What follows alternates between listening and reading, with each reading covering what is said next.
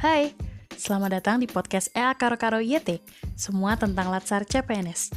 Saya Eta Atenta Karo Karo, peserta Latsar CPNS LIPI 2021, Angkatan 2, Kelompok 3. Tidak asing dengan kata Latsar atau diklatsar kan? Ya, pendidikan dan pelatihan dasar adalah salah satu tahapan yang pasti akan dilalui CPNS yang bertujuan memperdalam materi serta implementasinya di kehidupan sehari-hari maupun di dunia kerja. Nah, dikarenakan situasi COVID yang memaksa kita berubah dengan cepat, Latsar tahun ini modelnya sinkronus dan asinkronus. Asinkronus adalah saat CPNS belajar mandiri dengan membaca modul, dan sinkronus adalah saat bertatap muka maya bersama pengampu. Terdapat tiga materi dalam agenda satu, yakni wawasan kebangsaan, analisis isu kontemporer, kesiapsiagaan bela negara. Wawasan kebangsaan dapat diartikan sebagai cara pandang yang dilandasi akan kesadaran diri sebagai bagian dari suatu negara. Kisah perjuangan para pahlawan dalam mewujudkan kemerdekaan Indonesia menjadi pusat dalam materi ini. Mengapa? Karena dengan memperdalam sejarah, kita dapat mengenali bangsa kita sendiri. Ingat, tak kenal maka tak sayang kan?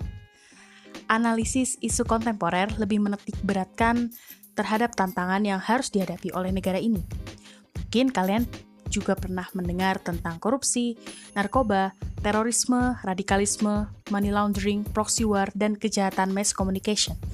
Di mana di era sekarang perang tidak melulu tentang angkat senjata, namun perang pemikiran dan strategi cerdas untuk bertahan dalam persaingan dunia. Materi kesiapan bela negara berisi tentang cara bagi kita untuk menyelamatkan Indonesia dari bahaya kejahatan kontemporer tadi cinta tanah air, sadar berbangsa dan bernegara, setia pada Pancasila sebagai ideologi, rela berkorban bagi bangsa dan negara, serta kemampuan awal bela negara adalah kunci kesiapan bela negara. Dengan berdiskusi bersama pengampu, saya mendapatkan insight bahwa terkadang hal kecil yang mungkin dianggap remeh bisa menjadi salah satu aksi nyata kita dalam bela negara. Hmm, seperti apa contohnya?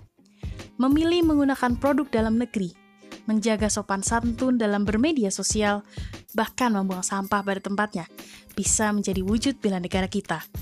Gimana? Gampang kan? Mari kita mulai dari diri kita sendiri terlebih dahulu. Sudah dulu ya, kita sambung nanti lagi. Jangan lupa cek YouTube di EA Karo Karo YT. Selalu sehat dan tetap semangat.